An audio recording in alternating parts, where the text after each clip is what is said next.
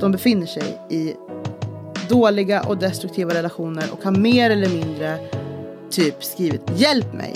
Därför att de är kroniskt otrogna svin. Så här, machita total och du vet de, de liksom mannen först, kvinnan därefter. Men när jag kissade på den här stickan och, och fick det här plusset så var det som att jag, jag kunde inte. Har du någonsin tänkt att det är mitt fel? Det är jag som har betett mig dåligt. Det är därför han gör som så. Det är sex år av mitt liv jag aldrig får tillbaka. Och då tittar han på henne och så säger han till henne. Ikväll ska vi göra mamma handikappad älskling. Det här är någonting som pågår där ute liksom. Dagligen. Dagligen.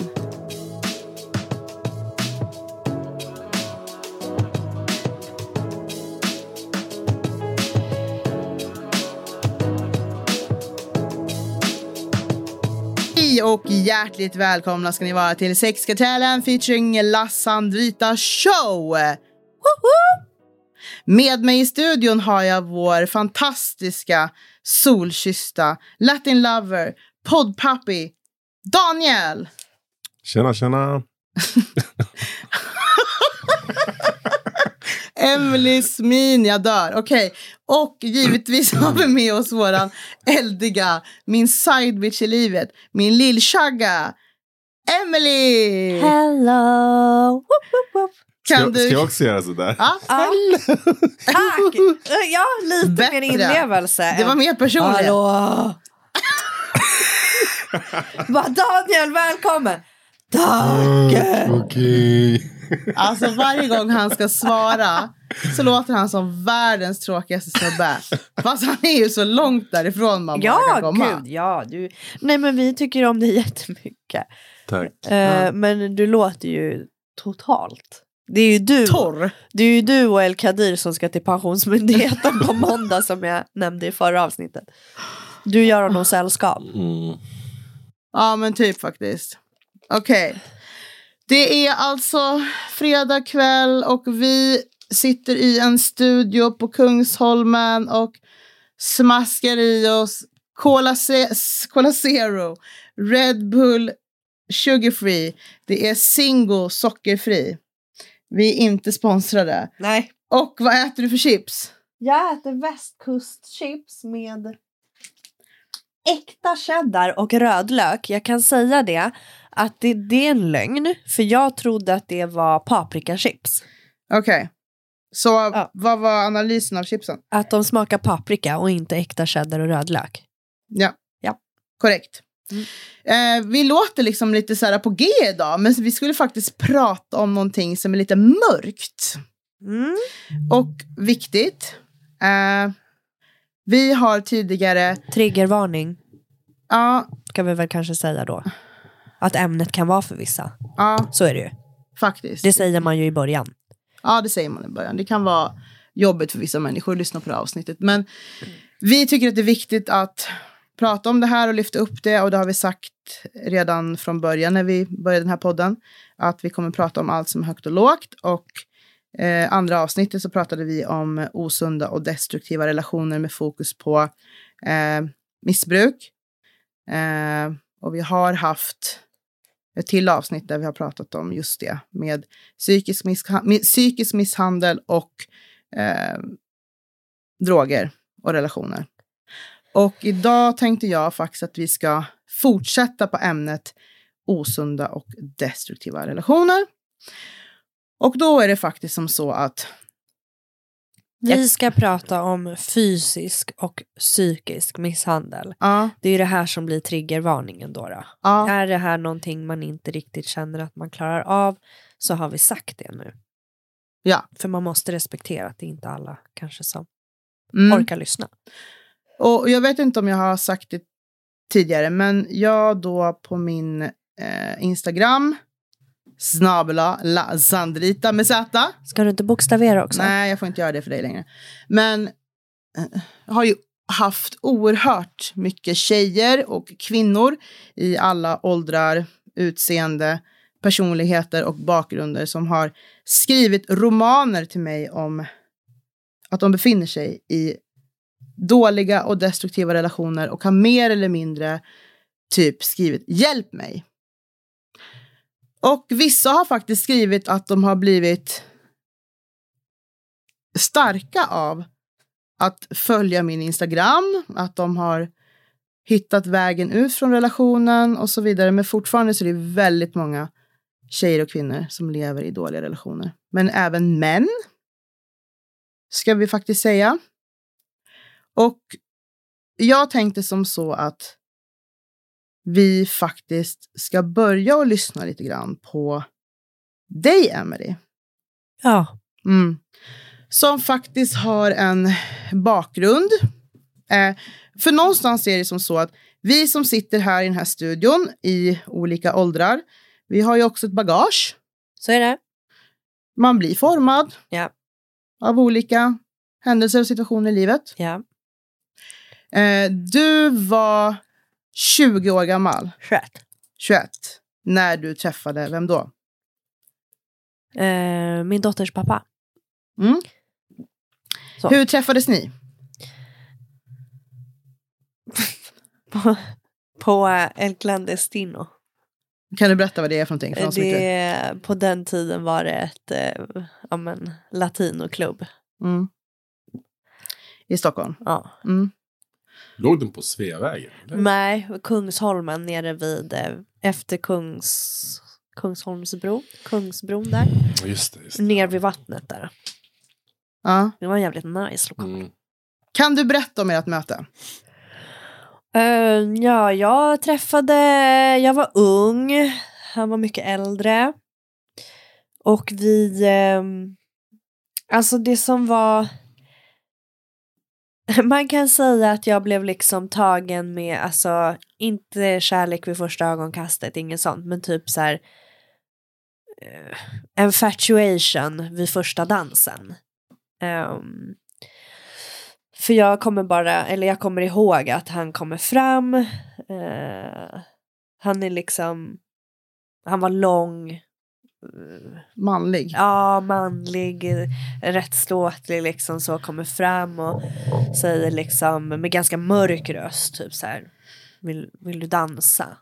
Och, och som jag berättat i tidigare avsnitt så för mig en dans är en dans liksom. Det har alltid, jag har alltid liksom dansat. Mm. Ehm, och det var en salsa och jag älskar salsa och jag Dock har jag alltid varit väldigt gnällig och tycker liksom att snubbar inte kan dansa eller de håller inte takten eller du vet de kan inte föra ordentligt, de luktar svett, alltså det, det är liksom alltid ett fel. Ja. Eh, jag bara, ja men absolut säger jag. Och då säger han till mig, vi får se om jag kommer ihåg hur man gör. Suck tänkte jag, jag bara inte en till liksom som, som ska säga, ja men ska vi dansa? Och så visar det sig att de trampar en på tårna halva dansen liksom. Mm. Så jag bara, åh vad kul tänker jag och går ju efter upp på dansgolvet, okej fine. Det blir en dans, sen tackar jag för kaffet bara, nu är vi bara artiga. Men den jäveln kunde dansa Okej. utan dess like. Eh, så vi dansade i tre timmar i sträck. Mina, mina tjejkompisar till slut, de bara, vi, Svenne tjejkompisar, de bara, vi åker hem nu. Klockan kvart i tre och jag bara, det är lugnt, jag stannar, hej då. Mm. Jätteobror, men, eh, men de var flera stycken så det var ju ingen som vart själv så. Men där startade vi väl upp någon form av kontakt liksom. Och vad hände sen då? Eh, ja, sen var det väl... Han var väl han var helt annorlunda mot vad jag var van vid. Mhm. Eh, jag har alltid sagt i mitt liv, så mina vänner och min familj var väldigt förvånade. För jag har ju alltid sagt aldrig en latinamerikan. Mm. Aldrig någonsin en latinamerikan. Och han var ju det. Och varför har du sagt då? då?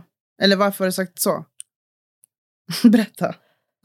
Alltså... Varför är du anti-latinamerikanska killar, eller vad? Därför att de är kroniskt otrogna svin, så här machita total och du vet de, de liksom mannen först, kvinnan därefter. Alltså nej, och de är fett med så här fuckboys och de ska, nej nej nej men jag orkar inte, jag behöver inte ens börja gå in på det för att jag vet att alla latinosnubbar där ute nu kommer bara "Åh!" du vet. Ja. Hon De kommer bara förtjänade, relate. nej men de, de tänker nu hon förtjänade att få stryk. Ehm, men ehm, jag har väldigt, väldigt, eh, men det är ju av egen erfarenhet. Dåliga då erfarenheter. väldigt dåliga erfarenheter, alltifrån min egen pappa till liksom Ja. då Mm. min dotters pappa. ja. Eh, Men eh, han var tvärt emot det jag var van vid. Mm. Han visade, som vi pratade om i något avsnitt, det här med svartsjuka. Han visade inte svartsjuka, men han var väldigt så här... Det var som att han var väldigt så här... Du är min, fast på ett skärmigt sätt. Mm. Jag vet inte, jag var väldigt ung och blåögd. Ja. Jag hade bara varit med svenska killar. Mm. Du vet, sa jag att den här väggen var grön, de bara ja älskling, den är grön. Mm. Så. Eh, Medan den här var så här, sätt dig ner, den är inte grön, Mm. den är blå. Och, Ja. och, jag, och han gjorde det på ett så här, Du tyckte det var skärm- attraktivt. ah, han gjorde det liksom suave. Ja. Så att det vart, och han var väldigt manlig och väldigt bestämd och typ så här. För min, ah, mitt Du var ex- 21, du var van med Ah. vanilj. Ja, och, Och så du vet min någon- pojkvän när jag bara, jag vill, äta, jag vill äta det här. Och han bara, "Ja, men jag vill äta det här. Och de bara, men nu ska vi äta det här. Okej, då vi äter det. Lite tofflig liksom. Mm. Och så kommer den här och bara, nej, vi ska äta det här. Så Mm. att jag, jag vet inte, det var, no, det var eh, obehagligt. Ja. Men ändå attraktivt. Ja, det var Ja. väldigt attraktivt då. Ehm, och det gick väl...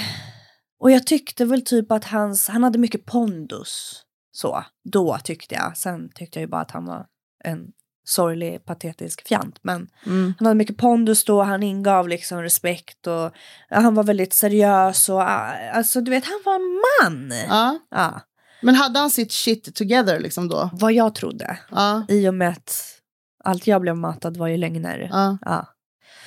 Så att eh, jag trodde ju att han hade sitt shit together. Så. Och vad, vad, vad, vad menar du att du trodde det då? Ja men arbete, boende, Ja. alltså, Allt sånt. livssituation. Mm. Alltså så. Mm. Eh, Så hur Så- fångade han dig då? Hade han barn sedan tidigare eller? Nej. eh, och det kan man ju förstå varför, för det är ju ingen som står ut med det där. Men Eh, han hade precis också kommit från en väldigt lång relation, innan det också en väldigt lång relation. Och jag och mitt ex hade ju liksom haft en väldigt lång relation så vi var lite så ja men vi båda kommer från långa relationer hit och dit så. Men vårt dejtande gick väldigt snabbt och det gick väldigt snabbt över till att liksom vi skulle typ umgås hela tiden. Och sitta ihop i princip. Mm. Hur lång tid tog det här från att ni dansade på klubb till att ni liksom eh, till att det blev så här? Eh, två månader. Ja. Sen var ni ihop då, då kan man säga. Ja. Mm. Ja, och det var väldigt, och där började jag väl märka, eller det började jag märka lite innan också, men, men som sagt jag tyckte det gjordes på ett charmigt sätt, men han var väldigt så här, han kollade inte mobilen och så, men han var väldigt mån om typ så här, höra av sig ofta hela tiden, checka in och att jag skulle checka in. Um, har liksom koll på varandra, vart är du, vart är jag, hela den biten. Men jag såg det inte så, utan jag såg det bara som att åh, han bryr sig om vart jag är, hur jag mår, vad jag gör, du vet så. Mina vänner började säga ganska tidigt liksom att får du inte, måste du prata med honom hela tiden? Nu har vi umgåtts i en och en halv timme och du har pratat med honom fem gånger. Eh, men jag tänkte, jag bara, men gud, nej men du vet man är nykär och bara, men gud, nej, jag tycker det är jättemysigt så. Men jag, mina vänner började märka det ganska tidigt. Och sen så började jag väl se röda flaggor kanske ett halvår in. Fem, sex månader in. Ja, och vad var det då?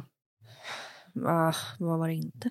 Men det kunde vara en sån simpel grej att jag sa till, eh, vi låg och kollade på film. Mm. Och jag sa, jag behöver eh, gå på toa. Så jag pausar filmen Mm.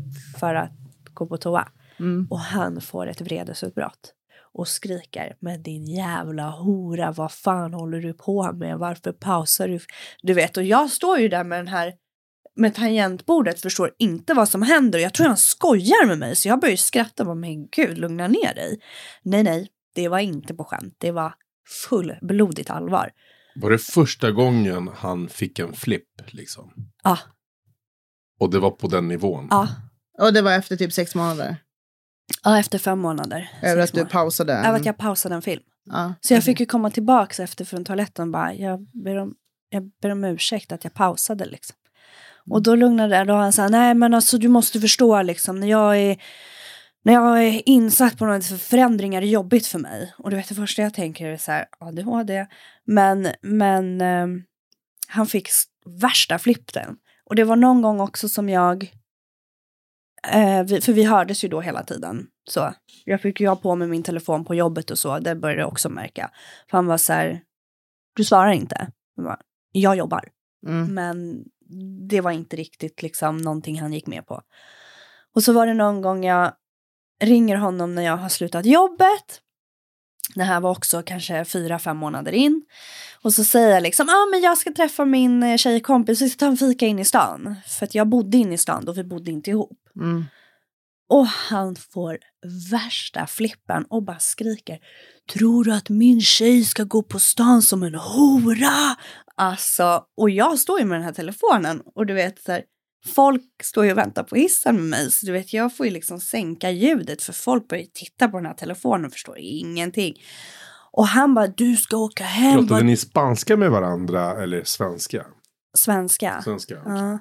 Och han kunde inte förstå hur jag från ingenstans bara kunde göra en plan och bara spontant åka någonstans och träffa någon hur som helst. Mm. Att jag inte hade dubbelkollat det med honom Nej. och pratat och informerat honom om det här. Så det var mycket sånt. Och du vet, jag, dum, naiv, ung och han varvar det här. Återigen, du var 21 och han var hur gammal? 32. Ja, så det var 11 år mellan er. Ja. Mm. Och han varvar ju det här med liksom, Suave. du är så vacker Mm. och uff, jag är så lycklig, jag är så tacksam över att ha träffat dig. Liksom. Han varvade, förstår Ja. Så att jag blev ju bara Smeka, mer slå. och mer och mer mindfuckad. Mm. Sen började det komma till de här fysiska delarna. Eh, till exempel grabba tag i mina axlar och liksom fysiskt flytta på mig. Eller du vet, grabba tag i min arm och dra, sig, dra mig till sig. Mm.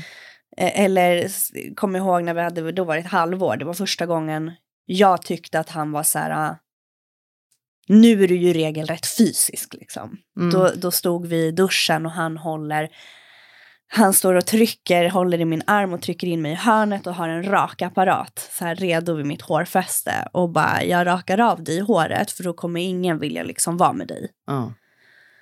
Och, och, Men ni här- var i duschen först för ett mysigt ögonblick? Nej, nej, nej. Nej. Det var för att han blev förbannad i vardagsrummet och jag kände att jag behöver ta mig härifrån en liten stund för nu börjar han gå upp över liksom och då följde han efter mig in i badrummet så Mm. det var ingen mys där utan jag stod fullt påklädd och han var liksom och slår igång den och då men och, och jag brukade säga jag bara men herregud du är ju fysisk mot mig liksom vad vad är det frågan om vad har jag gjort och då kunde han ju ställa sig, du vet, med huvudet på sne och liksom... Men lilla gumman. Kallar du det här för fysiskt? Exakt. Ja. Och du vet, var väldigt så här... Du har haft det alldeles för enkelt i livet. Mm. Om du visste, alltså sådär, du, du, skulle, du kanske skulle må bra om du fick en smäll. Så Mm. du kan snacka med liksom, med vilja. Mm. Så att du verkligen kan snacka med bagage i ryggen. Och du vet, där står jag.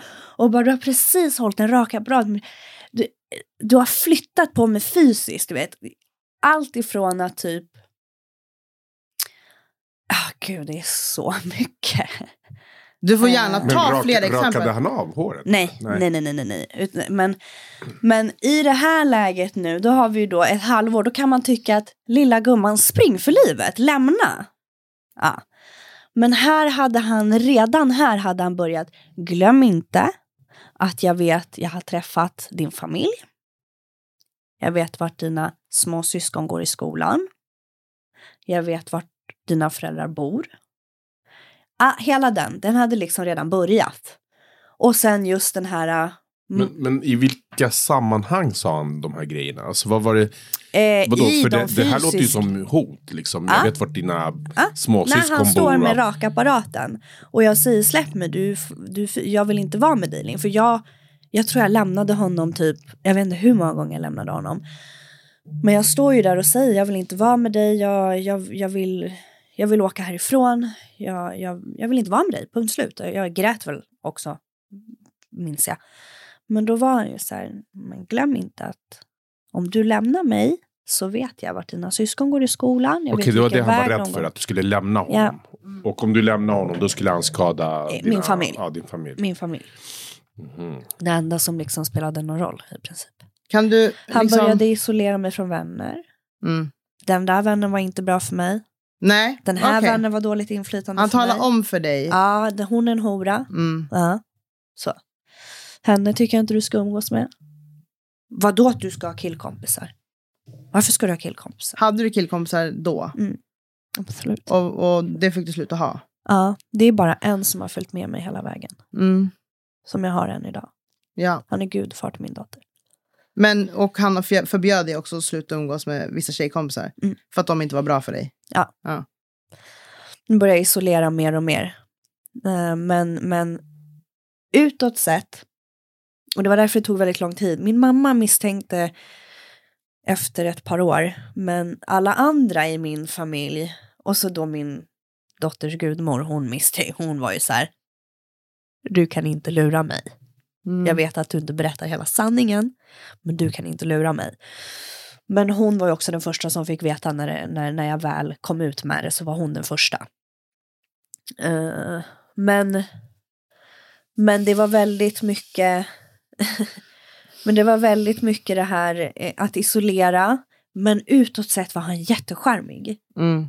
superskärmig, du vet folk, alltså han var, han var rolig, han var skämtsam, han sjöng, han dansade, han showade, han var liksom center of attention. Mm. Så när det här kom ut slutligen eh, och det gick liksom, ja, jag satte honom i fängelse, Hur länge var ni tillsammans? sex år tyvärr, Mm. mm, från och till. Ja. Satt honom i fängelse för vad? Grov kvinnofridskränkning, Vad fick han? Sex månader eller? tio månader. Tio månader? Okej. Efter att ha psykat och, och misshandlat dig fysiskt och psykiskt i sex år. Ja. Mm. Men, eh, men då var det ju folk som inte trodde på mig. Ja, såklart. det var ju folk som ringde mig och bara, men det här är inte möjligt liksom. För att, ehm, för han var så, han var två personer. Han var en person utåt och han var en person bakom stängda dörrar liksom. Eh, han har gjort allt och lite till. Jag har blivit, ja, det har allt, varit från allt till att jag måste sova på golvet som en hund för jag förtjänar inte att sova i sängen. För att jag gick ut en gång utan bh under en tröja. Um, det var inte okej. Ehm, det har varit, jag har behövt ha sex mot min vilja. Uh, nu kanske det blir lite känsligt. Men jag har ju blivit slagen när jag var gravid. Eh, nej, jag fick reda på att jag var gravid när jag hade lämnat honom. Och jag har ju alltid varit, alltså för, för det egna valet. Alltså en kvinna är ju berättigad att välja liksom. Jag, jag är för abort, punkt slut. Men när jag kissade på den här stickan och, och fick det här plusset så var det som att jag, jag kunde inte. Och det hade inte med honom att göra, för jag var inte med honom då, utan jag kunde bara inte, punkt. Kunde inte vad? Göra abort. Mhm. Eh, så då försökte väl jag någonstans i, inte vet jag, desperationen, någonting. Så försökte vi då igen. Och han höll sig, eller, det låter som att man liksom gratulerar honom, men han höll sig då ganska länge, alltså länge under graviditeten. Eh, men sen i slutet så, så, så förklarade han för mig hur jobbig jag hade varit och, och, och, och hur liksom outhärdligt han har haft det. Och att jag liksom hade varit lite för jobbig under lite för lång tid. Så då blev jag slagen och strypt vid sidan av magen. Så jag fick åka in till sjukhuset för jag fick så ont. Och då så sa han det innan vi gick in att du säger att du har ramlat i snön. För min dotter är född på vintern. Så jag fick ju eh, säga det liksom. Att jag hade ramlat i snön och slagit i sidan. Eh, då valde jag liksom att lämna honom igen så att jag bad min mamma komma till sjukhuset och jag sa det liksom att jag kommer berätta för min mamma nu så jag vill liksom inte att du så. Så han åkte därifrån och jag när jag födde min dotter och åkte hem från BB så åkte jag till min, till min mamma liksom och var där ett tag med, med lillan. Liksom. Och sen har han ju, eh, det här har ju pågått även efter. Eh, jag tog mig därifrån för min dotters skull till slut. Uh, för jag kunde inte ha henne i det där. Det gick liksom inte. Hon, uh, hon bevittnade våld. Han höll henne i famnen medan han eh, slog och sparkade. Jag höll henne i min famn vissa gånger medan han slog och sparkade. Du vet, jag flög i det här hemmet som en fucking vante alltså. Jag hade, jag hade blåmärken. Mm, ja, blåmärken på hela kroppen. Jag har blivit hemsläpad, liksom, alltså släpad i jackan och mina ben liksom drar i marken. Och blivit berättad för liksom, att det är nu du dör helt enkelt. Uh, blivit jagad i en bil med min dotter. Han har jagat oss i en annan bil liksom. Han är sjuk. Och, och i allt det här då när det väl kom fram och, vi lyfte, och jag gick hela vägen, liksom, vi blev satta på skyddat boende, jag och min dotter. Um, så har han mage, och har fortfarande mage än idag. Än idag så står han fast vid det här att det enda han har gjort är att ha agerat i självförsvar mot mig som är 30 centimeter kortare och väger 50 kilo mindre. Att han har agerat i självförsvar en gång och gett mig en fotbollsspark. Uh, och att allt det andra har jag hittat på. Uh, att det inte är sant, att han förstår inte vart det här kommer ifrån. Vi har haft det så himla bra. Hans familj visste om. Det var ju dem jag sökte mig till. Varje gång jag behövde fly så fick jag komma hem till hans föräldrar, hans syster. Och de har sett mina blåmärken. De har haft familjemöten, hela familjen, för att försöka förklara för honom. Du måste, alltså, vad är det för fel på dig, min son? Typ så. Uh, då, hans pappa har kommit in en gång under en misshandel och gått emellan. Um, när rättegången väl begav sig så uh, vittnade alla mot mig. De satt i den där rättssalen. Som familj behöver du egentligen inte vittna. De satt i den här rättssalen och vittnade mot mig och sa att hon är manipulativ, hon hittar på, vi har aldrig sett någonting, vi förstår inte varför hon säger så här, han ger henne allt hon vill ha. Så att det var en väldigt tuff smäll, men det tuffaste för mig var ju typ att se min familj och mina vänner helt, helt förkrossade. Liksom. Uh. Och sen skammen och skulden. Jag har aldrig tagit på mig skulden för det, för det är inte mitt fel. Eh, det är han som har gjort fel. Det är en viktig fråga. Ja. Nu när jag sitter och lyssnar på allt det här ja. så, så har jag funderat. Har du någonsin tänkt att det är mitt fel? Det är jag som har betett mig dåligt. Det är därför han gör som så. Var du så långt liksom alltså psykiskt nedbruten? Eller visste du hela tiden Nej, att det, det han gjorde och sa till dig var fel?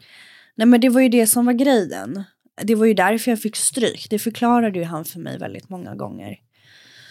Att typ om du bara gjorde som jag sa mm. eller om du bara var tyst och inte käfta emot så skulle inte jag behöva slå dig. Mm. Alltså så om du bara gör som jag säger. Och då brukade jag titta på honom tillbaka och visste att den här smällen kommer komma nu. Men jag stod där ändå och jag var så här. Det är det som är problemet. Jag kommer aldrig att hålla käften. Mm. Jag kommer alltid att stå upp för mig själv och säga att jag tycker du är dum i huvudet. Och då kom ju och då var det igång liksom. Den enda skammen och skulden jag har känt det är gentemot mitt barn. Mm. För det är inte normalt att en, att en liten, liten ska behöva uppleva något sånt. Så det är den enda skammen och skulden jag känner. Eh, och jag är glad att jag tog mig därifrån. Jag tycker att jag skulle ha tagit mig därifrån mycket, mycket tidigare.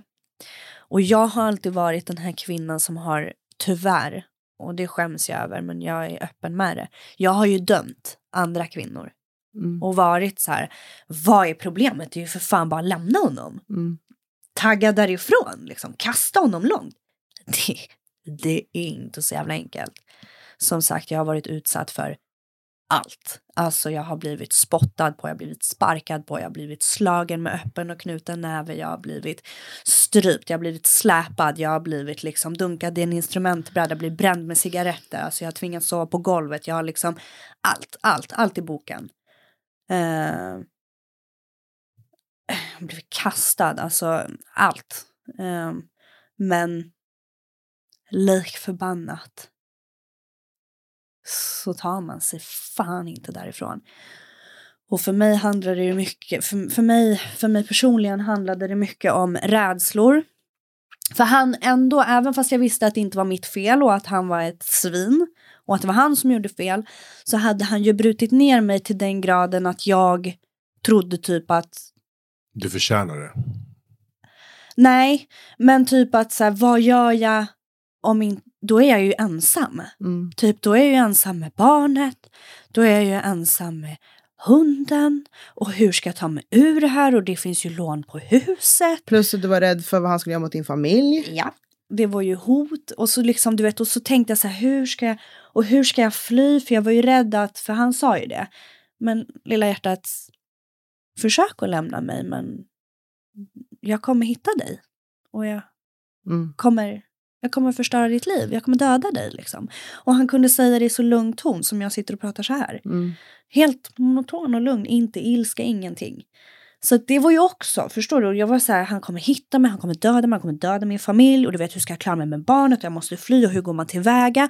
Du vet, jag bara satt där helt isolerad och han gång på gång då ömsom älskling, du är det finaste jag har.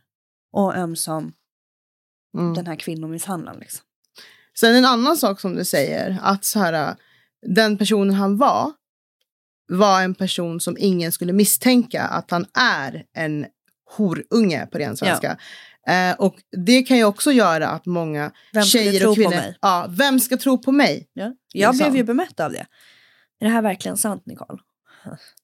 Jag vet inte hur många jag skickade mina, för jag började ju föra i smyg då. Det rekommenderar jag om folk sitter i den här sitsen. Jag började, för att du kan ju kontakta kvinnojour liksom, det finns hur många som helst.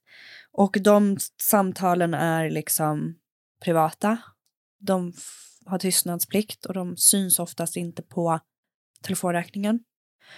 Men eh, det sket ju jag i fullständigt i och för sig. Men jag började gå och eh, dokumentera alla mina skador Mm. i smyg Mm. hos vårdcentralen.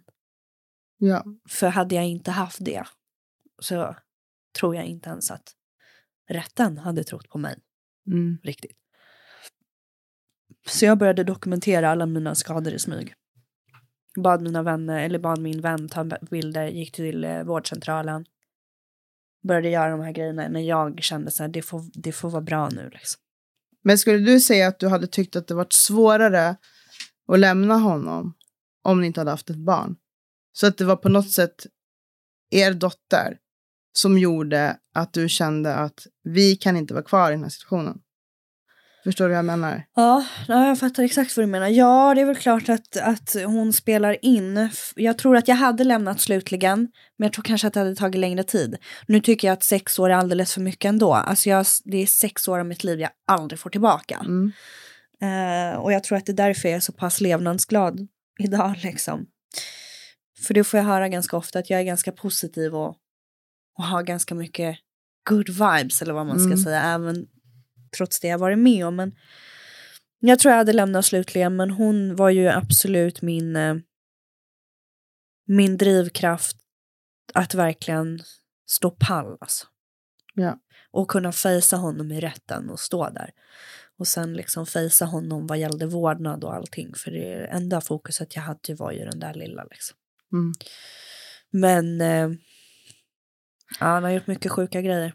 Det där är också för att jag känner igen jättemycket det utav, utav det du säger nu med tanke på liksom alla alla hemska liksom, mejl och meddelanden jag har fått som jag har läst. Liksom, som Mm. jag, jag, jag minns att jag låg liksom, och läste en kväll för att jag skrev någonting om det här.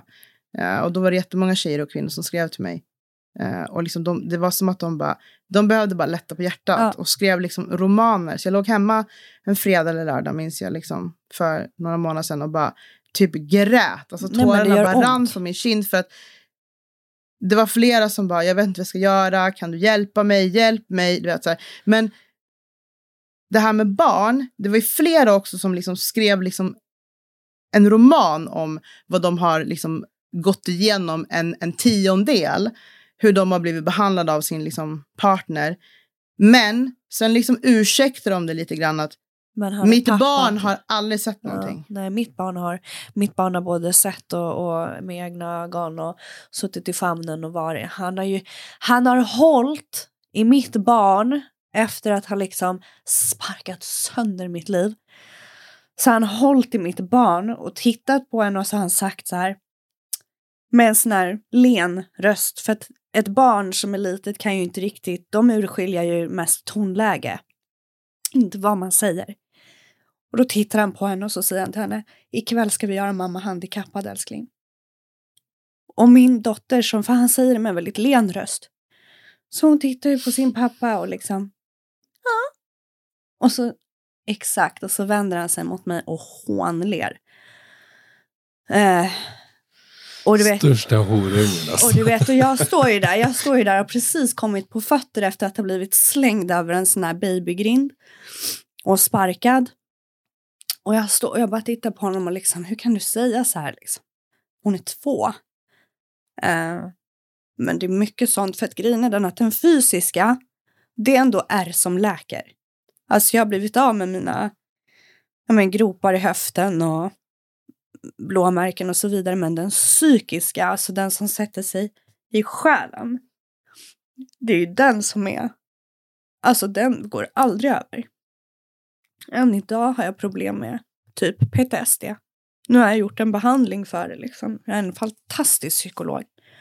Men, eh, men det är ju sådana ärr man bär med sig hela livet och det tror jag att varenda kvinna i princip kan liksom intyga att de psykiska ärren är liksom kvar för evigt alltså. Mm. Just sådana såna grejer som är så nyckelgrejer, så det går inte bort, det etsar sig. Sjukt.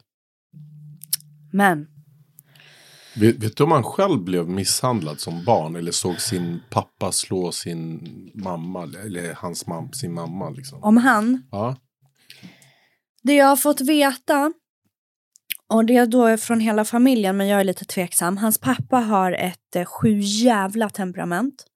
Han är också, det var, jag pratade ju om honom i något tidigare avsnitt, att han tallade på mig när jag var gravid och så vidare, jätteäcklig människa.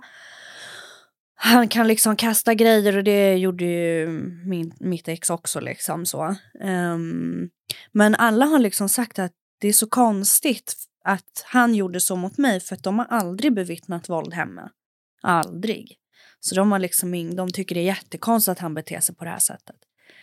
Men, eh, men jag har ju sett hans pappa liksom, det är inte normala utbrott han får.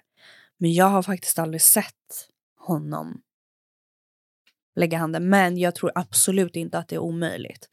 De var ju, de var ju kapabla till att mörka det här. Till sina vänner liksom som de inte hade så nära för att inte säga att deras son och bror hade åkt in i fängelse.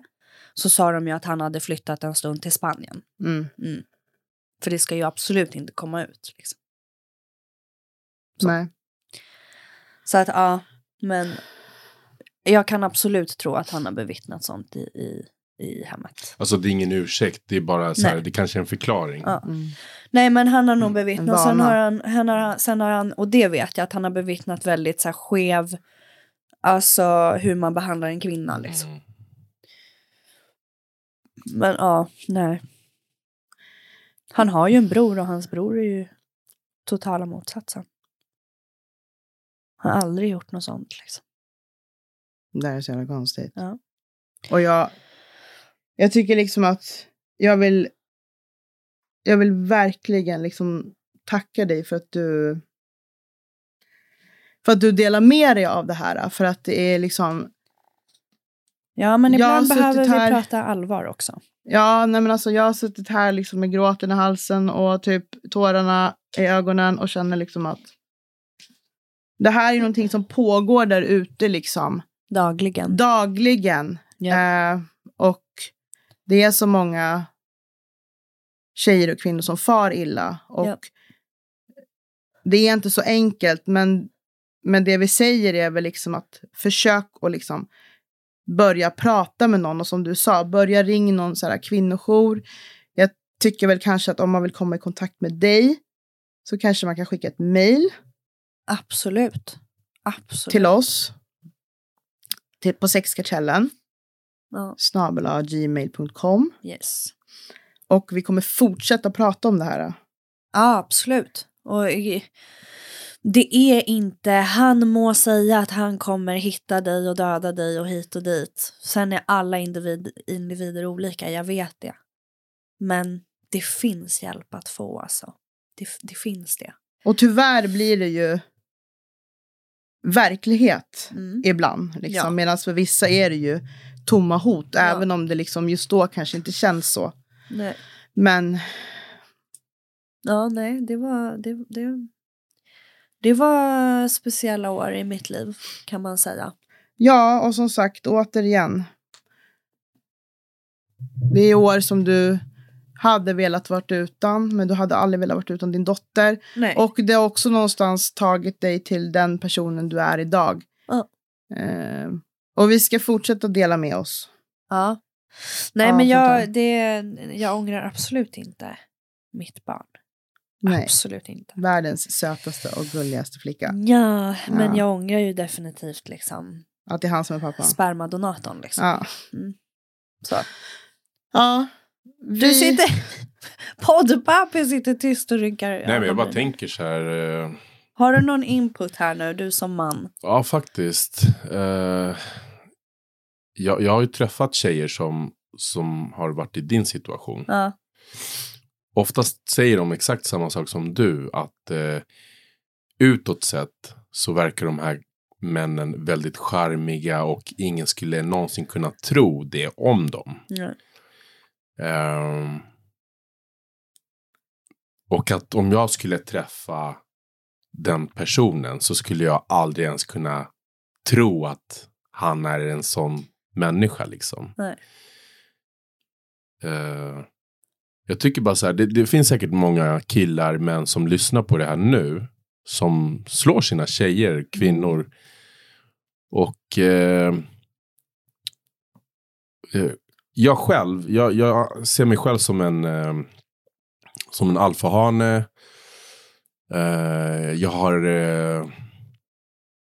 jag har gjort mitt i mitt liv liksom. Och jag anser mig själv vara en eh, liksom, det är ingen som går på mig. Oavsett vem det är. Och jag har aldrig lyft ett finger mot en kvinna. För att jag anser att, det, att slå en kvinna, det är som att, som att slå ett barn. Ja. Och eh, liksom du, du bevisar ingenting genom att slå en kvinna. Det enda du bevisar det är att du är en horunge. Och Nej, men- ingenting annat. Du är en feg liten Du är en jävel. feg liten horunge och ingenting annat. Ehm, så jag blir bara så här, jag blir, jag blir förbannad, jag blir arg för att eh, jag tänker på det skulle kunna vara min dotter eller mina döttrar. Tack gode gud så har det inte varit min mamma. Min pappa är en eh, gentleman och eh, en riktig man. Han- vi har aldrig sett honom ens skrika på min mamma. Utan han har, däremot har jag sett honom slåss för min mamma. Fysiskt. Ehm, och eh, jag, jag vet att det är väldigt vanligt i, i, i den här machokulturen. I, speciellt i Sydamerika. Att, eh, som du sa i början där, att eh, latinamerikaner är på ett visst sätt, speciellt chilenare. Ja. Jag som sagt är halvchilenare. Det är inte ovanligt att man slår eller fy, är fysisk mot sin kvinna. Eller otrogen. Där, Exakt. Där, ja. Så att, eh, men jag kan inte förstå det och jag kan inte respektera det heller. Så att jag hoppas att om, om, om det är någon som så här, där ute som lyssnar på det här och vet att man pratar om, om honom. Att han ska tänka efter så här att eh, ändra på sitt, på sitt liv liksom. Ja. För att eh, det är bara smutsigt och, och fegt. Ja. Gå, på någon, gå på mig istället. Eller någon annan. Var lika kaxig då liksom. De är inte Förstår det. du? Nej jag vet att de, De är inte inte är det. det. De är för fega för det. Så De att, kan eh, bara gå på sådana som är svagare än dem. och, och, och skulle mina döttrar råka på en sån kille och jag skulle få reda på det. Jag skulle inte tveka en sekund och, och, och, och, och tortera honom till döds. Jag skiter om jag får livstidsfängelse, jag, jag bryr mig inte. Men jag kommer leva på den där att jag har torterat honom till döds. Och låtit honom lida och ja. Nej, jag, jag, jag blir bara riktigt förbannad när jag hör det här. Ja, men det, Man blir liksom, det är mycket känslor, olika typer av känslor ja. kan man säga. Och du hade någon poäng i det du sa också, men jag vill utveckla det till er killar och män som sitter liksom och lyssnar på det här som känner igen sig i det här beteendet. Sök hjälp. Och säg fan inte att du provocerade fram det här. Om inte du hade gjort det här så ska... För, då, för det var ofta mitt svar. För jag fick ju den här, fast det är ju du som har provocerat fram det här. Mm. Eh, om inte du hade gjort så där hade jag inte behövt göra så här. Mm. Jag så här, men du provocerar ju mig dagligen. Har jag Exakt. någonsin lagt ett finger på dig? Mm. Nej men jag kan säga jag har blivit provocerad tills jag bara går sönder. Ja. Men jag har ändå inte gjort något fysiskt mot någon. Nej. Gå ut och slå på en Jag har däremot träd. slagit sönder väggar och Ah. andra saker. Eh, Fixa en fucking slagit sönder hål i dörrar och allt möjligt liksom. Men det, det är för att få ut den här aggressionen som, som jag aldrig skulle lägga på en kvinna eller ett barn. Ja. För att jag blir så provocerad. Mm. Och då menar jag inte så här att, att det är så här provocering delight, utan, utan det är grov provocering. Det, det är inte så att, eh, som du sa, att du hade pausat filmen. Förstår du? Ja. Alltså det är ingen sån grej, utan Nej. det är mer att jag har själv fått stryk Ja, och jag har hållit mig. ja. Det För är det är, ju nivån. faktiskt också en grej. Att det är ju många män också. Som, det är ju såklart inte samma Nej. utsträckning som kvinna. Eller kvinnor.